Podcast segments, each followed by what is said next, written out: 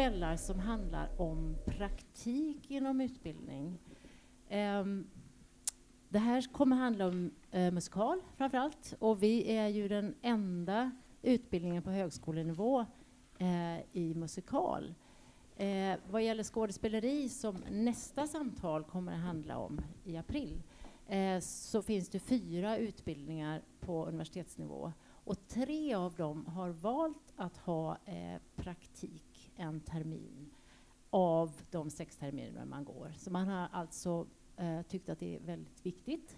Eh, och bakgrunden är, som ni säkert många av er vet, att förr var ju elevskolan kopplad till en teater. Man hade liksom en naturlig koppling till en ensemble när man eh, lärde sig att bli skådespelare. Eh, och det, den kopplingen har ju försvunnit mer och mer, men eh, vi på musikalutbildningen och på skådespelarutbildningen tycker att det är viktigt. Så varför gör vi då detta om vi står här och säger att det här är så bra? Jo, men vi tycker att det är bra. Vi vill bara fördjupa diskussionen om hur det här kan se ut och hur det bör se ut och om det finns några eh, lite knaggligheter i relationerna. Kanske inte så mycket mellan teatrarna och eh, skolorna utan att det faktiskt också kan innebära att en del på frilansmarknaden märker att eh, roller eh, går istället till praktikanter. Såklart är det en utmaning som vi måste tala om. Eh, arbetsgivarens parter håller på att snacka om det, men vi kommer att göra det utifrån våra kunskaper och erfarenheter, det vill säga utbildningarna och branschen. Så jag är superglad att eh, vi har en jättebra panel här idag. Eh, vi har eh, Nina Norblad som är ansvarig för musikalutbildningen här på HSM. Vi har Hania Rabi som är, är frilansande musikalartist och som gick ut här våren 17, eller hur? Ja. Vi har Mia Nirenius som är casting coordinator för musikal, Göteborgs Opera. Eh, och vi hade tänkt göra en sån här supersnygg Skavlan, ni vet, att folk liksom kommer upp och sätter sig i en fåtölj och sen så kommer det fler. Och det kanske föll lite för att Staffan Aspegren, den fjärde personen, han som är konstnärlig ledare för scen på eh, Smålands musik och teater. Han fastnade i München och eh, kanske nu sitter i planet. Hade tänkt att köra hit och ni vet, stiga upp i en fåtölj. Vi vet inte riktigt hur det blir. Um, I värsta eller bästa fall, hur man nu ser det, kanske han får sjunga, ni vet, som de brukar göra i slutet där. Och, vi vet. Vi får se. Uh, men jag är jätteglad att välkomna Hani och Nina upp till en första liten session om utbildningarna.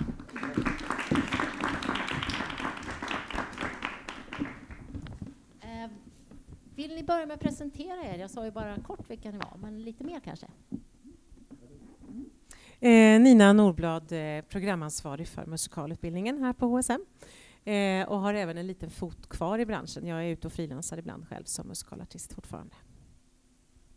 Och Hani Arabi heter jag, frilansande musikalartist. Jag är fortfarande så ovan vid det, för jag är så ny.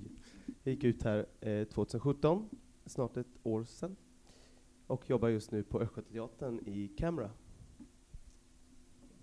Camera som väl du var med och workshoppade med lite när du gick på utbildningen, stämmer det? Ja, i fyra år nästan. Tre år. Ja, nu blir det fyra då eftersom jag är med nu. Spännande. Som alltså handlar om Ingrid Bergman, en helt ny musikal. Ehm, och eh, jag heter Katarina Bergil. Jag är enhetschef här för scenutbildningarna på Högskolan för scen och musik och har äran att hålla i samtalet ikväll. Okej, Nina, vad, jag påstod att det var väldigt viktigt för oss med praktikterminen. Vill du ge lite bakgrund till varför vi har det? Ja, jag har till och med stolpat upp lite saker här, för jag var tvungen att förbereda det här för över en vecka sedan, så det är bäst jag skriver ner det för att hålla allting i huvudet i nio dagar, det går inte. eh, varför är praktik viktig? Eh, bland annat för att eh, knyta kontakter med branschen. Teatrar, regissörer, koreografer och dirigenter. Och inte minst knyta kontakter med andra frilansande musikalartister. Att under trygga förhållanden och med handledning få testa sina kunskaper i ett professionellt sammanhang. Att i samband med de auditions som alla gör inför praktik eh, få visa upp sig för flera framtida potentiella arbetsgivare och eh, träna sin förmåga på just auditions i ett skarpt läge. Att visa våra teatrar den höga kvalitet som våra studenter håller. Eh, ryktet kring utbildningen är viktig för oss för att vi vill få hit de bästa studenterna. Um, praktiken gör också att vi som utbildning håller oss konstant uppdaterade över vad som sker i branschen i Sverige. Och eh, vi har ett väldigt väl uppbyggt kontaktnät, eh, ska jag säga, eh, inför, som vi använder oss av inför varje ny praktiktermin. Eh, som det är väl framförallt in, det är institutionerna och operahusen som eh, jag har en väldigt bra kontakt med. Mm. Eh, som exempel på det kan jag säga att detta år hade vi åtta studenter som sökte praktik för hösten 19 och alla hade fått varsin plats redan i november 2017.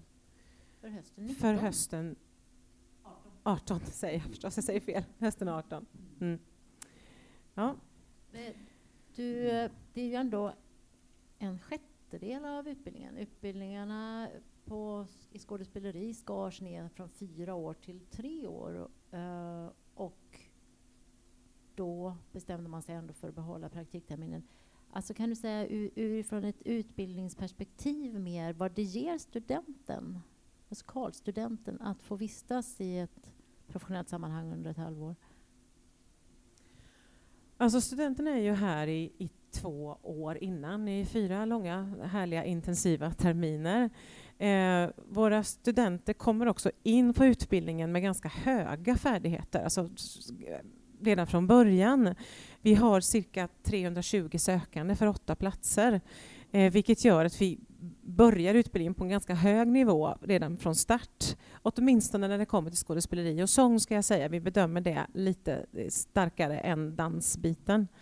Um, Alltså det är någonstans, så det har, praktiken har funnits på musikalutbildningen sedan den startade. Den, är, det, och den har alltid varit tre år. Um, det var liksom, jag pratade med Georg Malvius som var den som startade utbildningen. Jag har själv gått den. Eh, det var liksom en del av eh, han menade på det att det, det måste finnas en praktiktermin eh, för att eh, man måste få ut och pröva sina vingar. Eh, vi strävar efter att de ska nå en kvalitet som håller en professionell nivå. Eh, hur ser vi det? Ja, då måste man ju ut där och testa vart man befinner sig. Eh, vi gör det den femte terminen för att vi ska ha möjlighet att samla ihop oss igen, eh, komma tillbaks och slutföra sin utbildning eh, eh, och kunna reflektera över vad, vad är det jag hur är jag nu i förhållande till där jag ska ut och arbeta. Man har känt på det, man vet. Man vet vad man eventuellt behöver utveckla vidare. Um, man knyter ovärderliga kontakter. Eh, och det, det gör man vart man än är. Liksom. Eh, oftast är en musikalensemble relativt stor.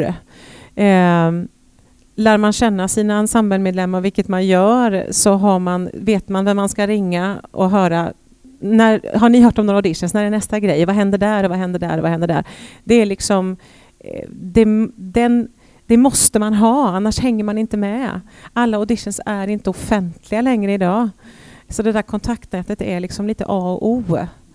Um, ja, det är väl det jag kan säga. Mm. Han är din, eh, din, eller minns du den audition du gjorde inför din praktik? Ja, eh, jag var en av dem som faktiskt blev erbjuden en praktikplats. Så jag behövde inte söka för den. Och det var ju på, på Spira jag gjorde min praktik. Vi hade jobbat med Staffan i skolan så han, han hade väl koll lite på så, att jag skulle klara av det. Liksom, så.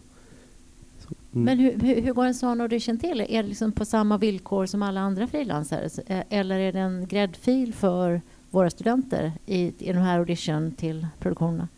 Det har sett lite olika ut, ska jag säga.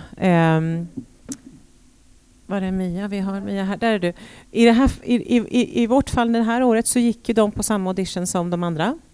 Eh, de, var, de som har sökt nu har varit på flera sådana där alla andra kommer.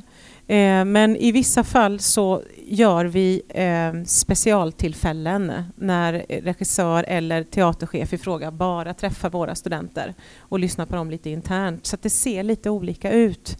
Ibland är det någon som redan känner till studenterna, de har varit här och sett något projekt vi har redovisat här och eh, eh, haffa någon därifrån. Vi har haft regissörer som har besökt projekt innan och kunnat hitta en praktikant genom det. Så det ser lite olika ut. Ja. Mm. Och då, alltså, de är ju fortfarande studenter när de är ute och eh, det är klart att det finns en, en, kontakt med utbildningen också. Men dessutom har ni en hand, eller hade du en handledare på Spira. Eh, hur såg den relationen ut? Alltså en från, från eh, Spira? Mm. I mitt fall var det Staffan själv som var eh, min handledare, som han sen gav, eh, gav till en av skådespelarna på teatern. Men eh, alltså, det, det, var väl mest, vi hade några möten när vi checkade av läget, och om jag hade några frågor äh, och så. Och jag visste att dörren var alltid öppen om jag, hade, om jag behövde liksom kommunicera med någon eller så. Men det var inte jättemycket handledning på det sättet. Men det fanns om jag hade det behovet, så hade det funnits. Liksom. Och vilken produktion var det du uh, gjorde din praktik i? Mm, jag fick ju göra tre produktioner. för att en produktion hade inte räckt för hela min termin, eller var tvungen att göra fler för att fylla upp. Och då gick det över på vårterminen lite, så jag fick också praktiklön sista månaden. Sådär. Då gjorde jag musikalen Passion och eh, fick jag göra en julkonsert med Maria Möller och Alexander Lycke och eh, Romeo och Julia som var talteater. Mm. Och det där med flera praktikuppgifter, det kommer vi att prata om sen. För det, det är en del av den här kritiken som har funnits från branschen, att, att eh, studenterna får göra lite för mycket. Eh, handledning pratade vi om. Och, och Nina, vad, vad, på vilket sätt följer du upp under praktikens gång att, att det funkar bra för studenterna där de är? Eh, redan i, i det kontrakt som skrivs då mellan skolan och teatrarna när det gäller praktikterminen så ska en handledare ha valts ut och namngetts. Det är inte alltid det är möjligt. Så i det här fallet stod Staffan som handledare från början. Eh, vi säger att det ska vara en skådespelare eller musikalartist som är anställd eh, i samma produktion eh, som finns där liksom, i närheten hela tiden. Ehm, det står i kontraktet vad som ungefär förväntas av handledaren. Jag tar en kontakt med alla handledarna ungefär en, två månader innan man börjar sin praktik. Där jag också presenterar den kursplan som gäller. Eh, och talar om att det vid behov eh, finns där, lyssna, eh, checka av. Eh, och om det dyker upp problem säger jag också att jag finns tillgänglig här som ett bollplank både för studenten och handledaren. Sen följer jag upp det genom att jag åker och tittar på föreställningen och examinerar där med vissa läromål för er. Och så har jag alltid ett samtal med handledaren eh, efter det, när jag har sett så att säga, resultatet och så, så har jag ett samtal med handledaren och hör, hör mig för om hur det har fungerat. Det följs dessutom upp av en praktikrapport som studenten skriver. Um. Nu var det liksom två sådana akademiska ord. Det ena är examinerar och det andra är praktikrapport. Kan du berätta vad, vad, vad innebär att examinera en student när den är ute på en praktik? Eh, det alltså, praktiken är ju en kurs för det första. Eh, eh, hela utbildningen består av olika sorts kurser. Eh, kursplanen eh, har en hel del lärandemål man förväntas uppfylla när kursen är klar. Eh, det jag kollar av när jag ser föreställningen är vissa av de här praktiska lärandemålen då som det heter. Eh, använder den här personen sina färdigheter i sång, tal och dans på ett, eh, ja, vad det nu kan stå. Ja, eller ja. Eh, och sen har vi vissa mer teoretiska eh, mål eh, som man uppvisar via en skriftlig rapport. Då, där man titt, ni tittar på lite olika saker där. Dels tittar ni på själva teaterhuset och hur, hur, är, hur ser organisationen ut på teatern och jobbar teatern med jämlikhet och lika behandling? Hur ser det ut till exempel? Vi tar upp sådana frågor som då ni måste ta reda på helt enkelt under er tid där. Och reflektera över sin, eh, naturligtvis sitt praktiska arbete också. Sin karaktär och så vidare. Mm. Och, och examinera, vad var frågan? Jag snurrar bort det, mig. Du har svarat bra vad ja, det liksom bra. betyder, vad du tittar ja. på och sådär. Ja. Eh, och Hanni, din, din praktikrapport då, vad, vad handlar den om? Hade du fokuserat på något specifikt då i den?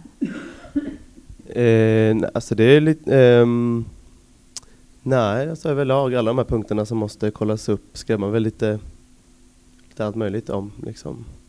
Så man, var inte, man specificerade inte med, på, på något speciellt område eller någon speciell avdelning. Liksom. Alla får samma grejer de ska skriva om, så att säga. Mm. Eh, vill du berätta lite mer om din praktik? Alltså, vad, det här med tre produktioner, relationer i huset, det behöver inte bara vara till. Alltså, vad, hur kändes det från, liksom, från första dagen till sista dagen eh, att vara en tillfällig gäst i det där huset? Mm. Absolut, jag älskade min praktik faktiskt. Jag trivdes jättebra där och blev väldigt välkomnad. Jag upplevde aldrig att det var liksom så här, han är praktikant, han klarar inte det. Utan jag blev väldigt, fick vara med i allt liksom, på alla avdelningar. Och hade man frågor fick man alltid svar. Och, och eh, fick, alltså, fick bra uppgifter som var utmanande för mig men som ändå inte var, alltså var lagom stora liksom. Jag ska säga att Smått har inte betalat honom för nej, att vara med precis, här. Nej, det här menar jag verkligen. Ja. Jag tycker det, jag, jag trivdes jättebra. ja, det, Ja. Det någonting som uh, inte var så bra då? Jag har funderat på det här också, men uh, nej, nej, jag måste säga att jag trivdes väldigt bra faktiskt. Det, nej, jag vet inte vad jag skulle kunna ändra på eller önska mer. Liksom. Eh, nu är jag lite dåligt insatt då, men finns det en ensemble som är fast anställd, eh, musikalensemble på smått eller var ni alla lite nya i huset när ni kom? Det finns en skådespelarensemble på ungefär nio personer tror jag som är fast anställda men som också är med i musikalerna som görs där. De, eh, ja, så det är blandat. Så var det också, I Persien var det frilansare som kom in också. Eh, ja. Jag kan tänka mig nu, nu eh, den 9 april, jag ska återkomma till detta, så kommer Peter Melin att, att hålla i samtalet som handlar om, om skådespeleri och jag kan tänka mig att det är lite annorlunda är när man kommer som skådespelare eller som, som praktikant till en ensemble som har jobbat ihop jättemycket. Eh, att, att relationerna ser ju lite annorlunda ut eh, än, än det var för dig. Då. Eh, Mia, har, eller Mia, Nina, har du något, ytterligare något exempel på en väldigt väl fungerande praktikperiod för någon av dina studenter? Jag har flera väldigt, väldigt bra exempel. Alltså jag har också mejlat några av, av, de alumner som har gått ut. Jag har fått ett, ett, ett par svar, ett, ett, gäng svar om att praktiken i, i alla fall, i alla de svar jag har fått, alltid har lett vidare på något sätt till ett jobb efteråt. Um, antingen på institutionen i fråga eller via regissören i fråga eller en eh, koreograf. Um, uh, kanske inte direkt, men något år senare och så vidare. Det ger alltid liksom ringa på vattnet. Um, det var något mer jag skulle säga. Bra. Jo, alltså, jag kan nämna att en, en uh, tjej som heter Tuva Börgedotter som gick ut för kanske fyra, fem år sedan. Gud, hur länge sedan är det? Då? Fem år sedan kanske. Uh, som gjorde sin praktik på Helsingborgs stadsteater uh, i en familjeföreställning som heter Nils Holgerssons saga med nyskriven musik i. Hon fick direkt efter det ett eh, pjäskontrakt som följdes av ytterligare ett kontrakt som ledde till jobb på Malmö Opera där hon nu har gjort flera produktioner. Så det har liksom bara gett mer och mer och mer. Så det är ju ett, ett typexempel på en väldigt, väldigt fin... Hon hade också en sån här lagom stor uppgift. Um, vi kanske kommer in mer på det där med vilken typ av uppgifter mm. och så eller? Ja, men det, det, och jag har flera som vittnar om detta. Vi har en kille som heter Rasmus Monnonen som gjorde sin praktik på Malmö Opera. Han har varit där i flera, många produktioner efter detta på grund av att han gjorde sin praktik och fick in en fot. Liksom. Och, och då liksom ur ett um, karriärsperspektiv låter det ju klockrent. Om, om ni vill säga någonting om själva lärandesituationen eh, under praktiken, alltså vad är det som gör att man, förutom att man får kanske spela fler föreställningar är, och, och repetera lite mer lite längre kanske än vad man gör för produktioner på skolan. Vad är det som gör att man mognar och blir bättre som musikalartist när man är ute? du kan börja. Ja, men det var ju lite det Nina var inne på här i början tycker jag. Alltså knyta kontakter och så här. Men, men eh, att man får en inblick på hur det faktiskt är att vara musikalartist på riktigt. Liksom. Man jobb, pratar med folk som har jobbat kanske 25 år i branschen och får helt andra perspektiv. Det är så lätt att gå i skolan och snacka i en klass som är på väg ut och ja, liksom, man kommer inte få jobb och så här och så här och så här. Och så kommer man ut och ser hur det faktiskt är. Och det kan vara både negativt och positivt men ja, det, ja man får lite livserfarenhet liksom. Mm jag tror också att den, den, absolut största vinningen vi gör är ju alltså när, vi, när, vi går, när man går de första två åren här så är det ju alltid en pedagogisk, alltså en pedagogisk verksamhet vi har. Där man lär sig, man får nya verktyg, man utforskar, man analyserar, man teoretiserar, man, te, man praktiskt utforskar med hjälp av en pedagog hela tiden som är där och liksom ställer frågor och ser till att man får med sig de verktyg man behöver. Det har man ju inte på samma sätt när man kommer ut i en, i en professionell produktion. Där förväntas du ha de här verktygen som du liksom ska nu börja använda på egen hand på ett väldigt självständigt sätt. Det är ytterst få musikalregissörer som har en pedagogisk syn under ett repetitionsarbete. Och att bara få liksom eh, eh, känna av den differensen som det är lär en jättemycket.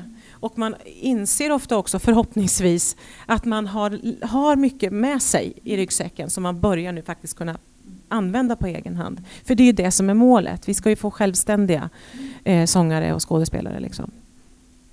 Det är ju eh, nu ungefär ett halvår efter metoo eh,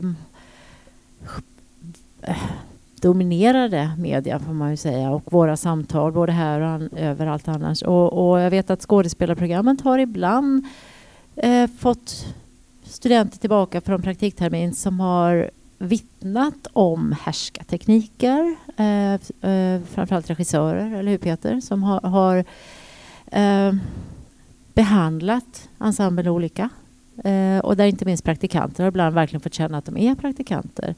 Eh, vi ska inte dra det till sexuella trakasserier, självklart, men just eh, maktmissbruk och härskartekniker.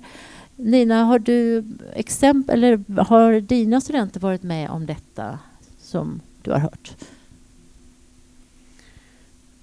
Ja, kan, kanske inte i samma utsträckning, jag vet inte, men jag har absolut exempel på det. Eh, jag har väl varit med om, jag, sen jag tog, varit här, så vid två tillfällen som, jag, som det har hänt grejer som jag har fått vetskap om, eller ja, det har studenten i fråga har, studenterna har bett om min hjälp och så har jag fått gå in och liksom lotsa och styra upp och och så. Eh, så att eh, absolut, det har skett eh, och vi måste vara medvetna om det och kunna hantera det i de fall det dyker upp. Och, och, och, vilken beredskap har vi? Vad gör du då om, om någon ringer gråtande och säger jag kan inte jobba med den här regissören längre för hen behandlar mig så fruktansvärt nedvärderande. Va, vad gör du då? Det har inte riktigt varit så. Eh, I ett fall så kom det till mig i efterhand efter att, så att säga, repperioden var över och de, de hade börjat spela och då är ju regissören borta. Men vid det tillfället så lyssnade jag in och sen eh, tog jag kontakt med regissören i fråga och den assistenten som även var involverad i detta och eh, skrev rakt upp och ner att så här, så här upplever Eh, den här studenten. Det ligger det någonting i det, är någonting som du, ni bör tänka på i framtiden. Och eh, fick en väldigt bra respons på det faktiskt i, i det där att man inte har reflekterat att det kan uppfattas så. Men att de kanske borde ha tänkt på det. Liksom. Så att jag hoppas och tror att de i det här fallet fick sig en liten tankeställare. Skulle det kunna vara också en uppgift för en handledare att vara extra obs på den slags uh, relationen? Uh, att en mm. handledare bevakar att mm. studenten verkligen det, mår väl? Det är en väldigt bra idé. ja, att be handledaren om att ha de glasögonen på sig, absolut. Det ska jag ta med mig. Mm. Men Hanni, dina tre produktioner som du var med i där, där, där känn, hur, hur, kände du dig i förhållande till uh, Seniora ensemble uh, skådisar?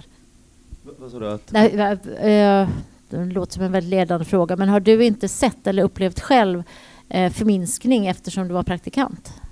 Nej, det är faktiskt inte.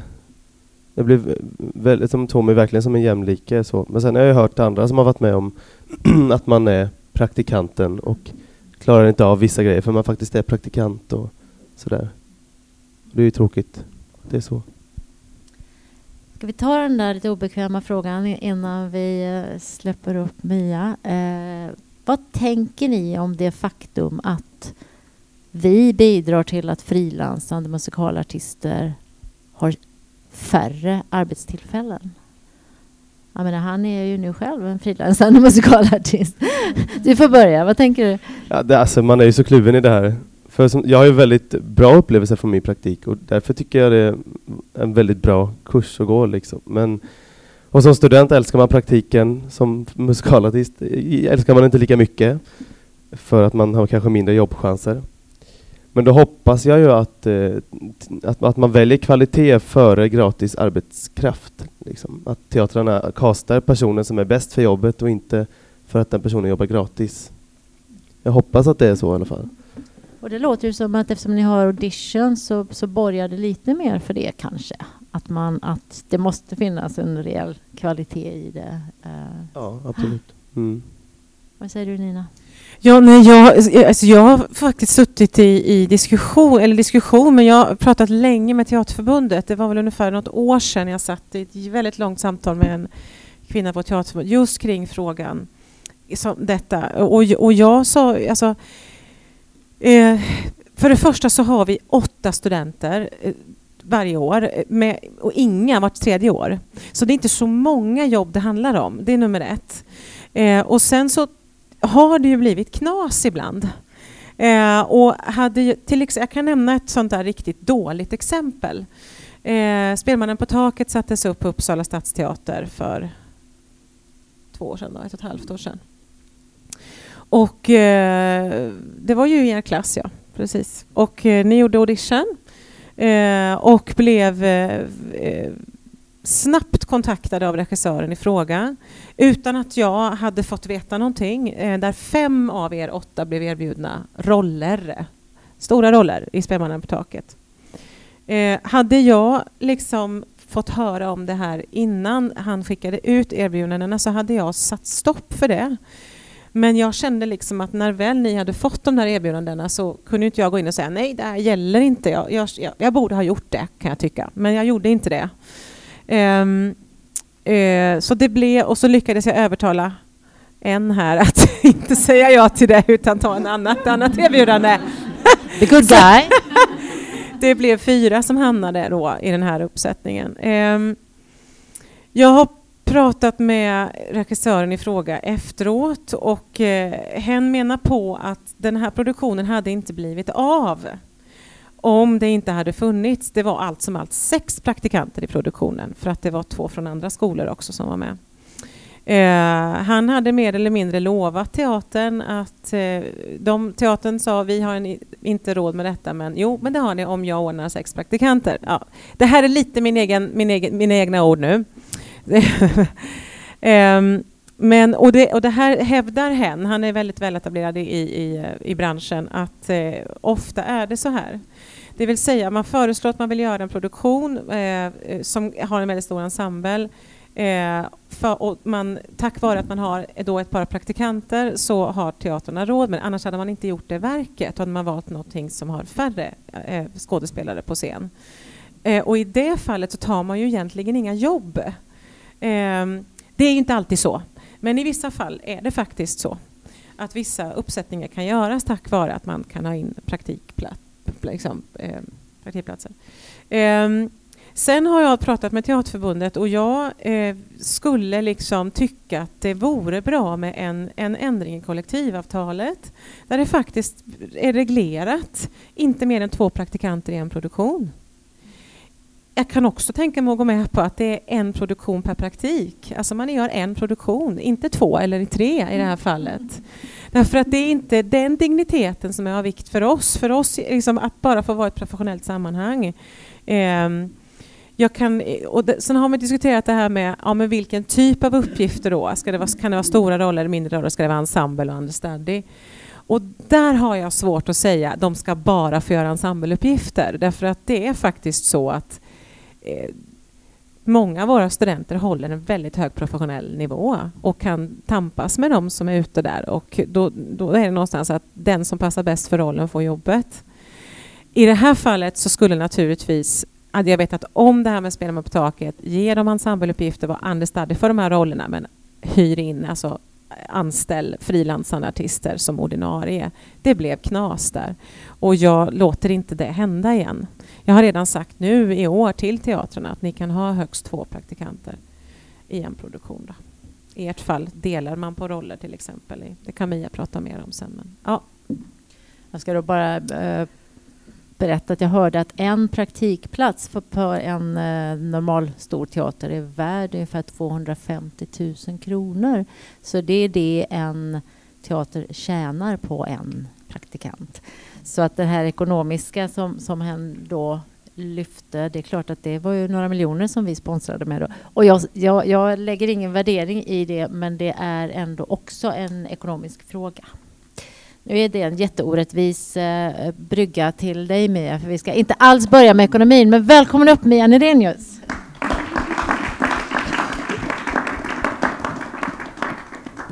Tack. Vill du presentera dig själv? Ja, jag är biträdande regissör på Göteborgsoperan. Har varit det sedan 1993. Eh, jobbat med massor med musikalauditions och lärt upp mig på det viset. Eh, och det gjorde att sista åren när Steven Langridge blev chef så ville han ha någon som kontaktperson som hjälper till från huset och dukar bordet. Sen är ju alltid teamet med. Vi brukar se det som att teamet och jag dukar bordet. Teamet bestämmer vad de skulle vilja ha och Steven Langridge är den som klickar igenom om det är okej okay eller inte. Um, så och vem är Steven Langridge? Han är vår konstnärliga chef på Göteborgsoperan. Uh, tänkte bara jag skulle ta den där med en gång om... Ja, absolut. Gör det. Ja. det, är inte, det är inte om pengarna, men i detta fallet så nästa år inför uh, Ringar i Notre Dame så blir det en väldigt stor ensemble. Vi kommer att ha 30 personer som är där varje kväll. Eh, och dessutom har vi två körlag som består av, just nu ser det ut som 20 i varje lag. Eh, så det blir 50 personer varje kväll fast det blir alltså 70 personer inblandade i repetitionsarbetet. Eh, så för oss var det ju inte så att vi desperat behövde två personer till. Utan för oss var det ett samarbete med skolan. För Steven vill absolut att vi har ett samarbete med skolorna om vi kan. Så att för honom var det mer en, en öppning. Ehm, han har, försöker att fixa med eh, mentorskap för operasidan och sådär också. Ehm, nu är det ganska nytt. Det är inte så att vi har gjort så här varje år och kan följa upp det sedan tio år tillbaka utan det har kommit och gått lite grann. Så vi hoppas bara att det kommer att funka så här och att ni fyra som är här idag kommer att få en bra chans att komma in i arbetet tillsammans med de andra då. Och jag tror att det är så att det är Dura-killarna som kommer att vara mentorer. Va? Eh, vilka är det då? Ja, det är alltså Anders Wengdahl, eh, Tobias Alsell och David Lundqvist som ju är anställda på eh, ja, en tre, fyra, fem år, man vet aldrig. Årskontrakt i alla fall. Ja. Jag kan bara lägga in där, för vi har ju fått de kontrakten redan. Ja. Där står det ju ett annat namn. Gör det? Ja. Okej. Okay. Och det är? Stina. Berggren. Ja, okej, okay, ja, det är projektledaren. Det var, inte, det var inte klart än eh, vem det blir. Nej. De har, jag, jag, vet att de har pratat med herrarna och att de antagligen, det har också att göra med hur stor belastning de skulle ha under nästa år. Det var inte riktigt klart än hur mycket de skulle orka ta på sig, men det kommer antagligen att bli, för det är de som är från, ja de är närmast er. Um, så i detta fallet så var det mer en, en, en, bra chans och vi vill jättegärna titta på er. Därför var det så kul att ha med er på samma audition. Istället för att ta en specialaudition så fick ni då träffa eh, både regissören och dirigenten och sådär. Så, att, så att jag hoppas att det också var en del av att komma in i arbetet. Så tänkte vi den här gången. Jag hoppas att det kan vara så. Och nu sitter vi och säger fyra och det är alltså så att det är fyra men de delar alltså på, eh, man, är, man jobbar bara två i en föreställning, man delar på de här uppgifterna. Ja. Och det är också för att vi, vi har en sån lurig period på Göteborgsoperan. Vi spelar ju, vi börjar repa när det fortfarande är sommarlov. Eh, och sen så kör vi, beroende på vilken pjäs det är, Duvemåla körde ända fram till maj, så det var 100 föreställningar och då hade vi faktiskt delat en roll på tre personer för att man skulle kunna klara av skolarbetet också. Och då var det en härifrån och två från PAS. Eh, och denna gången så är det mellan 80 och 85 föreställningar men det ger ju också eleverna en möjlighet att fortsätta skolarbetet på våren för vi, man kan inte avsluta mitt i en produktion. Så. Uh, och för det tror jag inte vi har nämnt det här om, uh, om ens praktik som i ditt fall Hanne går över en annan termin. Vad händer då Nina? Uh, då, då inträffar det, då, då finns det ju avtal för detta. Alltså då får man helt enkelt lön. Eh, man går på CSN och man går på sin kurs eh, från att terminen startar, vilket är runt 1 september, fram till omkring 15 och 16 januari. Och är det rep innan dess eller föreställningar efter det så är, man alltså, så är teatrarna skyldiga att ersätta en ekonomiskt enligt eh, eh, de rådande kollektivavtalen som finns. Och det finns upprättade sådana avtal och eh, det, det finns en särskild praktiklön för de som inte är färdigexaminerade än. Har man, vissa av våra studenter har ju, eh, har man minst, jag tror att det är fem års arbetslivserfarenhet, säger jag rätt nu? Tre eller fem, så, så ska man ha minimilön, alltså som att man är färdig redan. Och det är vissa av våra studenter som har haft den erfarenheten innan de började här och då får man en minimilön då. Mm. Eh, Mia, vad, hur, hur tänker du och ni när ni då eh, rollbesätter? Alltså när, när praktikanterna får sina roller. Hur, hur, hur matchar ni dem? Ja, I detta fallet så är det ju som sagt en ensemble på 30. Så, att, eh, så här går man rakt in i ett ganska så stort kollektiv där alla kommer att ha många roller. mycket, alltså mycket smått, mycket, mycket ensemble, mycket, många kommer att ha egna repliker. Um, och då hamnar man ju rakt in i matchningen som regissören gör av de 30. Um, ehm, I andra fall Ja, alltså när, det var, när det gällde Kristina från Duvemåla så var det ju att hitta någon som såg väldigt, väldigt ung ut. För då skulle det vara en ung lilla syster. Um, så där måste man börja med något så tråkigt som utseende. Uh, eller känsla av väldigt ung. Uh, det behövde vi inte göra denna gången. Vi kunde titta på vilka som skulle vara bra, vad, vad som skulle funka, vilka som skulle kunna matcha varandra om man skulle dela det på två eller till och med tre, var vi inne på en stund. Att det skulle kunna varit möjligt. Men utifrån då den, alltså frilansarnas eh, synpunkter, vad, tänker ni också att det ska vara lite mindre komplexa uppgifter än om man skulle då ta någon färdig utbildad? Vi har så länge jag har jobbat i alla fall inte haft några andra än ensemble. Alltså vi har inte haft några stora, stora roller alls. Ehm, om du då ser tillbaka under dina år, vad, har du exempel på någon lyckad praktik? Eh, det behöver inte vara härifrån, utan någon annanstans ifrån så också. Eh, Och, och varför var det lyckat? Jag tycker att det var väldigt lyckat med de tre tjejerna som var med i Duvemåla. Ehm, för oss så var det väldigt lyckat att ha tre stycken och de var exemplariska och skötte hela, alltså de satt på alla repetitioner och bytte själva med varandra. Så att de körde liksom hela, de såg till att de fick tillräckligt mycket repetitioner. Det skulle kunna blivit lite bråkigt men vi fick aldrig höra något sånt i alla fall. Eh, och sen så kunde de själva lägga upp vad de behövde göra i skolan. Så att de fick ett, ett, ett bra år. Och de fick en bra sak att skriva i CVt och de fick jobba med Kristina från Duvemåla. Det är ju liksom en kul grej att ha gjort. Så att jag tror att kommer inte att hända igen på en stund kan man säga. Ehm, jag, jag tycker att det var väldigt lyckat. Vi hade väldigt stor glädje av tjejerna och de kändes glada genom hela perioden i alla fall.